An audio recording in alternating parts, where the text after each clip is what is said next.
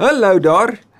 Ons wil jou van harte verwelkom by 'n nuwe nuwe reeks, 'n nuwe Bybelboek wat ons vandag die voorreg het om om mee op reis te gaan en om aan te pak. En dankie dat jy tyd gemaak het ook hiervoor. Dit is die boek Rit waarby ons gaan stil staan vir die volgende 4 geleenthede. Rit, hierdie fenominale boek met soveel bekende beelde Jy het waarskynlik al die storie hiervan gehoor, maar ek bid so dat in ons tyd saam die Here regtig dit vir ons oop sal breek, dat ons dieper en meer van hom hierin sal leer. Iets sal sien van God se getrouheid en hoe hy sy storie skryf ten spyte van ons keuses baie baie dikwels.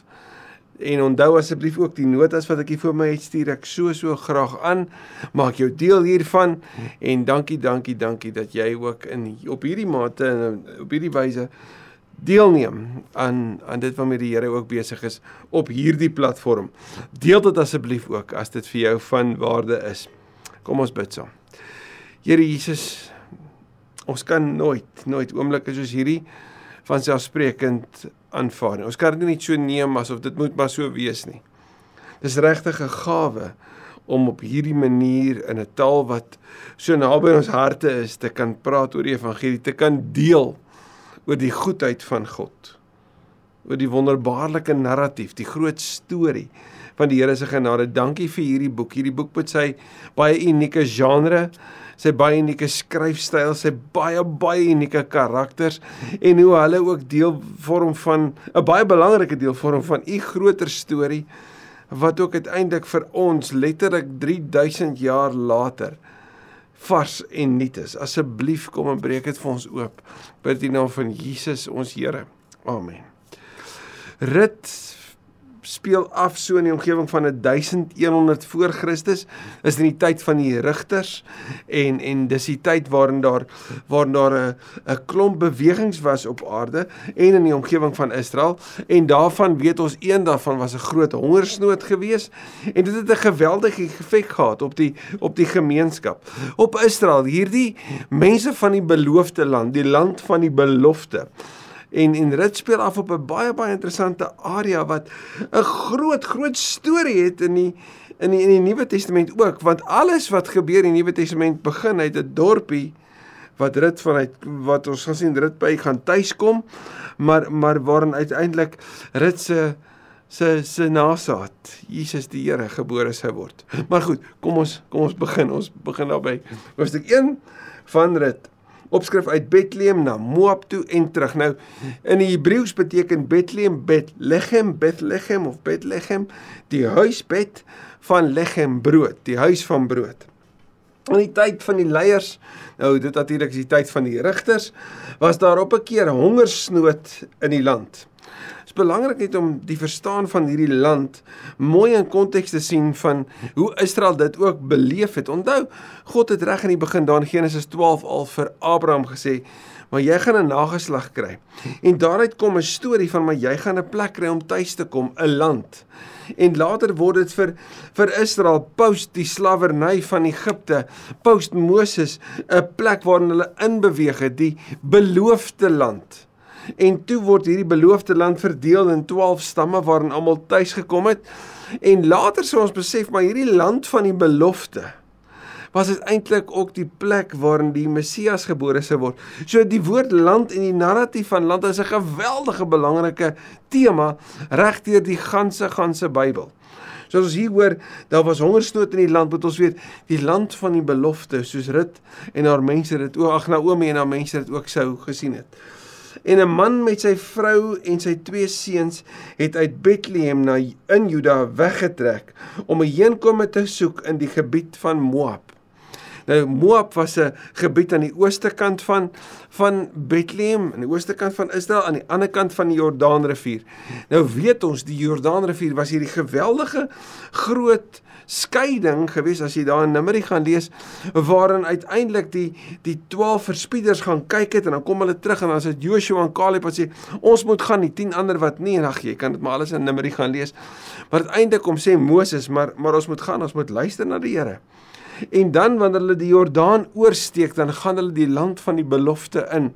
So wanneer hierdie man wat wat ons op hierdie oomblik nie weet wie dit is nie en sy vrou en twee kinders, sy twee seuns teruggaan na Moab toe, die 3 dag reis van Bethlehem na Moab toe onderneem, dan gaan hulle terug oor die rivier gaan hulle terug vanuit die land van die belofte. Jy sou ook kon sê vir hulle en veral vir hulle mense daai Bethlehem sou die storie wees hulle het hulle rug gedraai op hulle God, hulle land, hulle mense.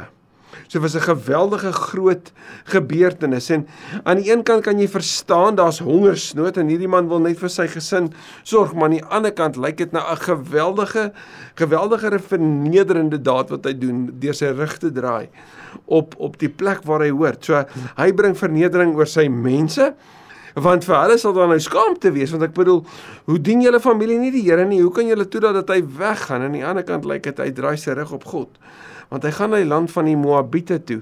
Die Moabiete waarvan daar gesê word dat as jy vanuit Moabit vanuit die Moabiete afstam, dan as jy tot op die 10de geslag as jy onrein. So jy meng nie met die Moabiete nie. Hoekom? Want die Moabiete was bekend vir hulle afgoderry. Hierdie man gaan daarheen. En hoekom is daar die groot gevaar? Want die gevaar is natuurlik van assimilasie. Hoe gaan jy met jou geloof in 'n land waar afgode aanbid word, gaan jy dan 'n vermenging kry van jou godsdiens? So wat ons later hier teen 730 by Hosea aangetref het, nie waar nie? Die man was Elimelek. Nou Elimelek, die naam Elimelek het betekenis en ons gaan sien elke rolspeler hier in hierdie verhaal se naam het betekenis en dra by tot die verhaal. Elimelek is El El Melech of God is koning. Dis wat sy naam letterlik beteken. Nou hier's die ironie. Elimelek neem sy familie en sy naam beteken God is koning, maar hy gaan na die land toe van afgoderry. Dis tragies en ironies, nie waar nie? Die man was Elimelek, sy vrou was Naomi. Naomi beteken lieflik. En sy twee seuns Maglon en Kilion. Nou Maglon en Kilion dra die name van die ou Kanaaniete en Maglon beteken siek en Kilion beteken om weg te kwyn op pad na die dood toe. So hulle beweeg toe na Moab toe. Nou staan daar, hulle daarheen vertrek. Niks verder nie. Hulle wou net wegkom vanuit die plek van hongersnood. En en dit is ironies net dat in Bethlehem, die huis van brood, daar 'n tekort aan brood was. Hulle was afkomstig uit Efrata in Bethlehem in Juda. Nou Efrata beteken vrugbaar en is 'n verwysing of 'n ander naam vir Bethlehem en Bethlehem natuurlik ook in hierdie plek van Juda, die stam, die area waar hulle ook gekom het. Hulle het in Moab aangekom en hulle het hulle daar gevestig. So teenoor die hulle het net beweeg of weggetrek, het hulle nou tuis gekom. Daar's nou 'n tweede fase in Elimelek se wegloop uit Jerusalem, uit Juda uit of uit uit uit uit Israel uit, uit Bethlehem uit om uiteindelik in Moab aan te kom. So van heen kom ons soek na 'n plek van vestiging daar tussen die mense wat die afgode aanbid. En toe Naomi se man Elimelek sterf, as jy mooi kyk in die in die Hebreëus is daar nou 'n omruil van name en dit beteken daar's 'n omruil van lo, van rolle ook. Want Naomi en die kinders het saam met Elimelek gegaan. Nou word daar gesê Naomi en Elimelek is haar man. So daar's 'n omruil van rolle en sy neem nou die inisiatief aan. Toe Naomi se man Elimelek sterf, het sy en haar twee seuns alleen agtergebly. Wat 'n tragiese verhaal. Daar in die vreemde, hierdie weduwee en haar twee seuns. Nou in die wêreld van die Bybel was die man die die een wat wat voorsien het. Hy was die letterlik die broodwinner gewees. En nou is hy nie meer daar nie. Vervreemd van haar mense in die land waar afgode aanbid word met twee seuns. Wat 'n absolute hartseer toneel het hierdie vrou wat se naam lieflik beteken wat 'n absolute hartseer toneel het dit nou geword. Jy sou regtig kon sê dat haar lewe was alsbehalwe lieflik, nie waar nie? Die twee seuns het later getrou met die Moabitiese meisies Orpa en Rut. Nou Orpa beteken koppig of harde kwas. En Rut beteken verkwikking of vriendin. So haar twee seuns trou toe en dit sou jy nooit gesien het in Israel nie. Hulle het dit ten ten alle sterkste verbied. Jy vermeng nie met met met die ander lande nie. Jy vermeng nie met die Moabitiese mense nie. En tog hier doen hulle dit en hier's die ironie ten spyte van die mense verkeerde keuses, 'n ongehoorsaamheid. Skryf die Here sy storie. Naomi en haar seuns het omtrent 10 jaar in Moab gebly. Maar hulle is nou getroud, so sy en haar seuns en natuurlik hulle dogter. So van hulle het gereis na hulle het gevestig na 'n dekade later is hierdie gesinnetjie nou tuis in Moab. Toe haar twee seuns Maglon en Kilions ook sterf, het sy alleen agtergebly sonder haar seuns en sonder haar man. Hier is die donkerste punt in die verhaal van Rut. Drie weduwees agtergelaat sonder enige voorsiening. En die die tragiese verhaal is waar hulle in Bethlehem weggetrek het omdat daar 'n gebrek aan voeding was, aan voedsel was. Het haar wêreld nou vanaf broodgebrek na lewensgebrek toe gelei. Het haar plek vanaf tussen my mense met die Here in toewyding al was dit swaar beweeg na in die vreemde. Sonder my mense sonder my man sonder my seuns alleen agtergelaat met stories van drie sterfgevalle. Die maot die dood wat haar omsingel het. Toe sy verneem dat die Here vir sy volk uitkoms gebring het deur vir hulle goeie oes te gee, het sy en haar skoondogters klaar gemaak om van Moab af terug te gaan. Hierdie vers in in sy pragtige diepte beskryf iets van van goeie nuus wat haar tref. So sy het die heeltyd in kontak gebly. So sy het nie so vervreemd geraak van haar mense 3 dae se reis weg nie. Sy het gehoor wat aangaan in Bethlehem. Sy het gehoor van die Here, so sy het nie die Here versaak nie. Sy het nie haar geloof verloor nie. Sy het nog geweet wie dit is wat uitkoms gegee het. Dit was nie die afgode in Moab nie, maar Jahwe, die Here, die gewer van van lewe, die gewer van hierdie oes, hierdie geweldige groot oes. En en nou hoor sy hierdie goeie nuus. En en wat besluit sy daar in die vreemde? Sy besluit om terug te gaan na die huis van brood toe, want daar's weer brood in die huis van brood beskikbaar en sy het en, en haar skoondogters het klaar gemaak. So sy neem nou die die rol aan as die voorsiener, as die versorger vir haar skoondogters en sy neem nou hulle saam. Hierdie mense van die vreemde wat nou deel geword het van haar familie. Nou as hulle saam met haar gaan na Israel toe, beteken dit hulle moet nou hulle land agterlaat. Hulle moet hulle afgode agterlaat en hulle moet saam met haar oor die Jordaan gaan na die beloofde land na die plek waar God se storie afspeel. En hulle het besluit om saam met haar te gaan. En en om terug te gaan is is hierdie woord van bekering wat ons so gereeld in die Bybel lees en ons moenie dit te vinnig daardeur blaai of daaroor gaan nie. Dan kyk gerus wat wat ehm um, wat Deuteronomium 23 sê oor hoe jy die Moabiete moet verbied en nou word hulle deel van God se storie en gaan hulle saam.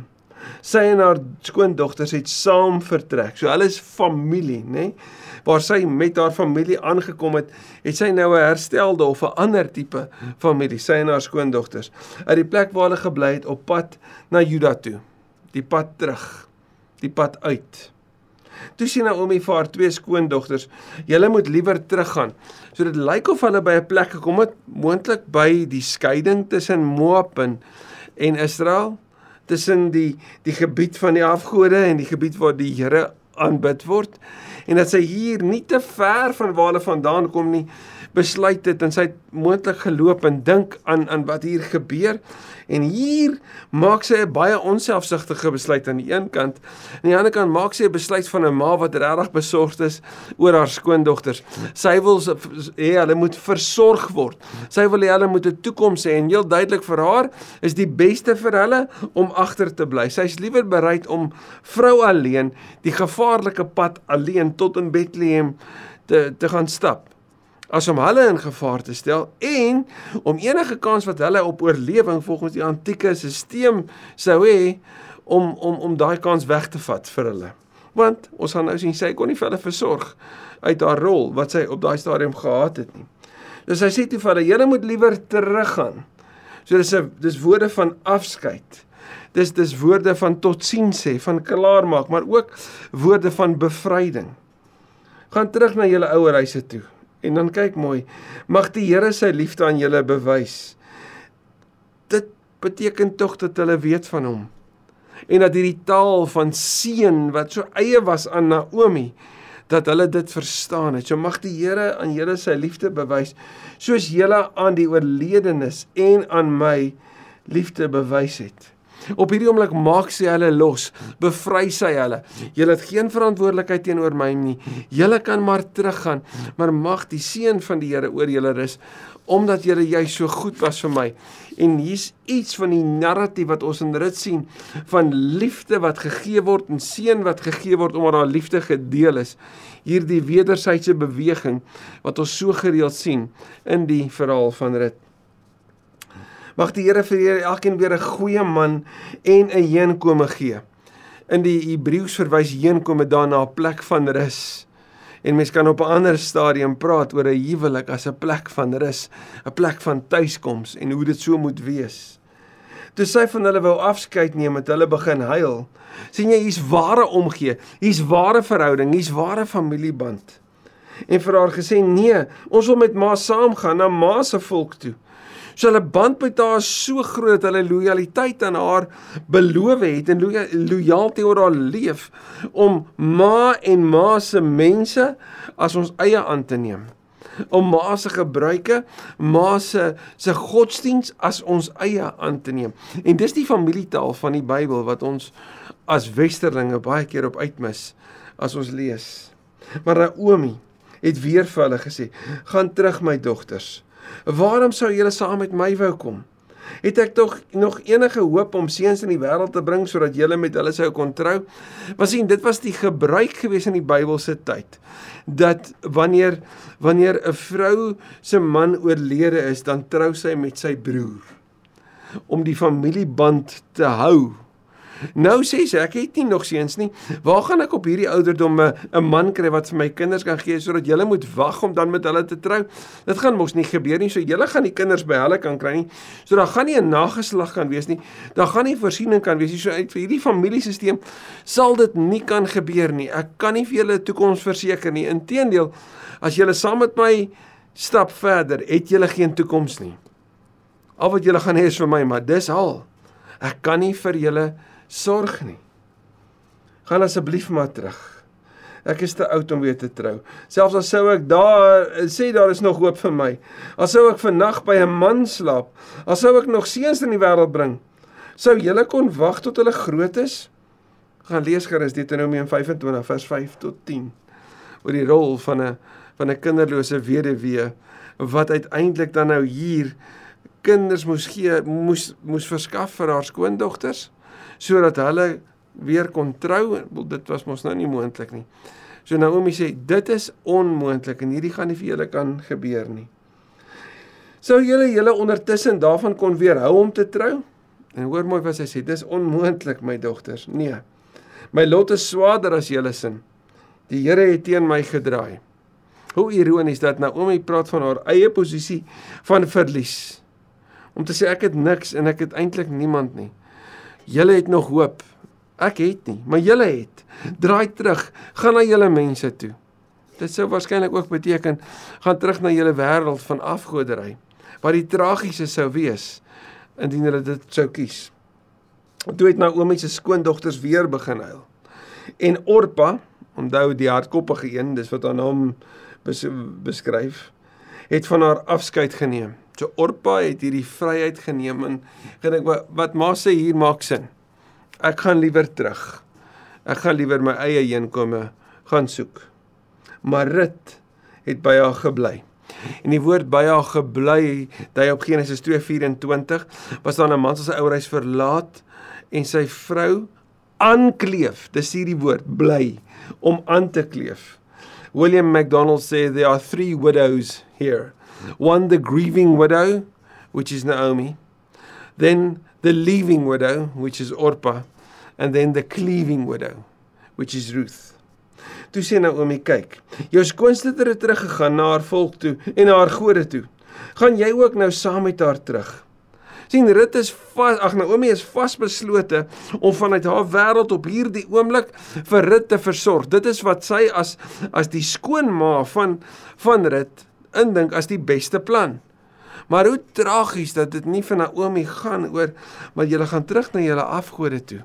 Hierdie familie waarvan jy nou deel geword het, my familie waar ons Jahwe aanbid, waar jy daarvan hoor en dit sien. Jy moet julle rug na daarop draai. Ek bedoel maar net omdat sy tydelik dink in die binne in in die nabye toekoms van hoe dit kan gaan met haar dogters en nou wil sy hulle vrymaak. Maar dit het geantwoord: "Moet my tog nie dwing om van u af weg te gaan en om om te draai, want waar u gaan, sal ek gaan. Waar u bly, sal ek bly. U volk is my volk, u God is my God. Waar u sterf, sal ek sterf en daar sal ek begrawe word." Met ander woorde, dit word my land waar Naomi se seuns nie die die eerbare ding gedoen het om hulle pa terug te neem, sy liggaam terug te neem na na Bethlehem toe nie en om daar te laat begrawe en waar haar seuns begrawe is daar in die in die land van Moab sê dit nee sy kies om hierdie land hierdie nuwe land hierdie nuwe volk as haar eie aan te neem juis vanuit haar lojaliteit en haar liefde vir dit. Sy praat familietaal sy wys volle lojaliteit en hierin sien ons die karakter van Rut na vore kom. Rut sê daar is niks wat my sal stop om saam met ma te gaan nie selfs net die dood nie. Naomi het besef dat dit vasbeslote was om saam met haar te gaan en sy het opgehou om haar te probeer ompraat, om haar te probeer oortuig. Hulle twee is toe saam na Bethlehem toe. Hier in die tyd van die fees want die Here het groeie oeste vir vir Israel en goeie oeste vir Bethlehem se mense gegee. Met hulle aankoms in die bed van in in hierdie huis van brood in Bethlehem was daar groot opgewondenheid in die stad? En mense vra waaroor? Opgewonde oor die fees want dit was die eerste oes wat ingekom het en daarmee saam was daar altyd hierdie groot fees. Dis natuurlik die die deel van die oes gewees waar hulle sê die eerste vrugte word aan die Here geoes want hy wat die gewer is van die eerste sal die gewer wees van die volle oes.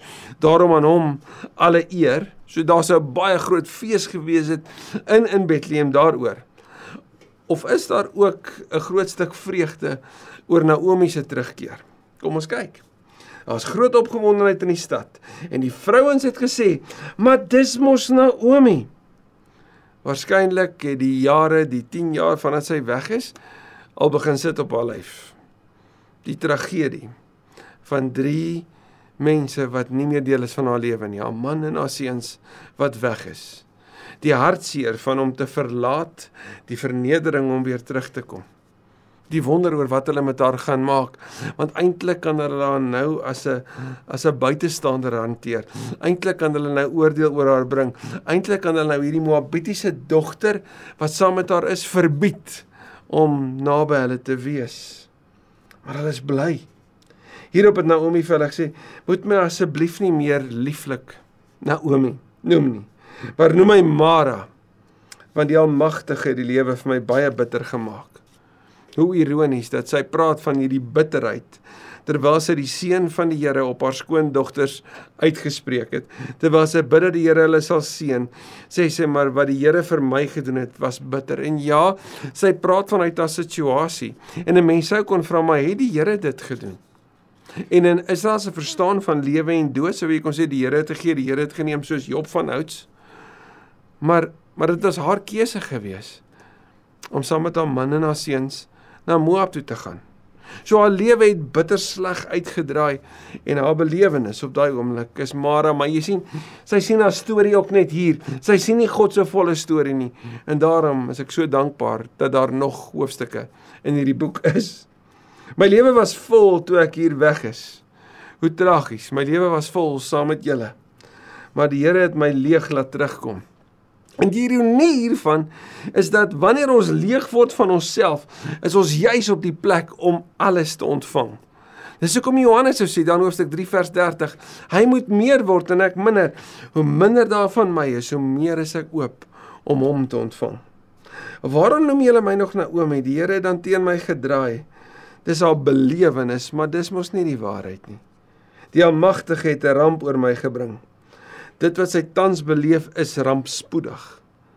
Maar wat die Here mee besig is, gaan haar oorweldig. So het Naomi uit Moab teruggekom uit hierdie plek van van hartseer, van bitterheid. En Rut haar Moabitiese skoondogter was by haar. Nou kan jy jouself indink, Rut is by haar uit liefde, uit lojaliteit met geen geen idee, geen plan vir die toekoms nie. En nou het jy nog 'n skoonma wat haarself na verwys as bitter. So sy's nie 'n groot vreugde om by te wees op hierdie oomblik nie. Maar dit is daar. Hulle het in Bethlehem aangekom aan die begin van die garsoes, aan die begin van die feestyd. Die skrywer van die van Rut wys vir ons hier in hierdie verhaal bring ons hier op 'n punt by wat is volgende? Want sien deur die woord garsoes hier te plaas het ons klare aanduiding dat iets wat voor lê is iets nuuts want die garsoes was in die lente die begin van nuwe lewe die begin van 'n nuwe seisoen. Was dit die aanbreek van 'n nuwe seisoen in Rut en Naomi se lewe? Levitikus 23 vers 10 sê meer daaroor Garsoes was 'n maand voor die graanoes gewees. En so eindig hierdie hoofstuk met 'n oop einde. Naomi is terug in Bethlehem. Rit saam met haar. Kom volgende keer gerus weer terug. En kom luister saam. Mag ook in hierdie week vir jou en my of tot ons mekaar weer sien vir jou plek wees waarin jy nadink oor jou eie storie, oor die eie keuses wat jy gemaak het wat jou by 'n plekke van selfs vervreemding van die Here dalk gebring het. En hoe hy steeds sy groter storie daaroor skryf. Dankie Here dat U die groot outeer ook uit wat op die oog af vir ons na katastrofe geklink het en na 'n absolute teleurstelling en 'n uitdaging en vernedering vir Naomi om weg te beweeg en haar rug te draai en saam met haar man wie se lewe gesê het God is koning na 'n plek toe gegaan het wat hulle dit glad nie erken het nie. Wie se lewe dit uiteindelik sou sê. Dankie Here dat ook in ons eie lewe dat daar kere dalk was wat ons ons rug op U gedraai, dalk selfs weggestap het. Dat U steeds nie opgegee het nie. Dat selfs die die dood van geliefdes nie kan meebring dat ons van U liefde geskei is nie. Maar Here, dankie dat ons ook uit die gemeenskap van Bethlehem die gemeenskap wat brood breek en brood deel wat Naomi wat weggestap het terug verwelkom met blydskap vir haar en haar Moabitiese skoondogter dat dit iets ook moet sê van ons gemeenskap en dit waarvan ons deel is. Mag ons ook so verwelkomend innemend en vol vreugde wees soos wat hulle was. Ek bid dit in Jesus se naam. Amen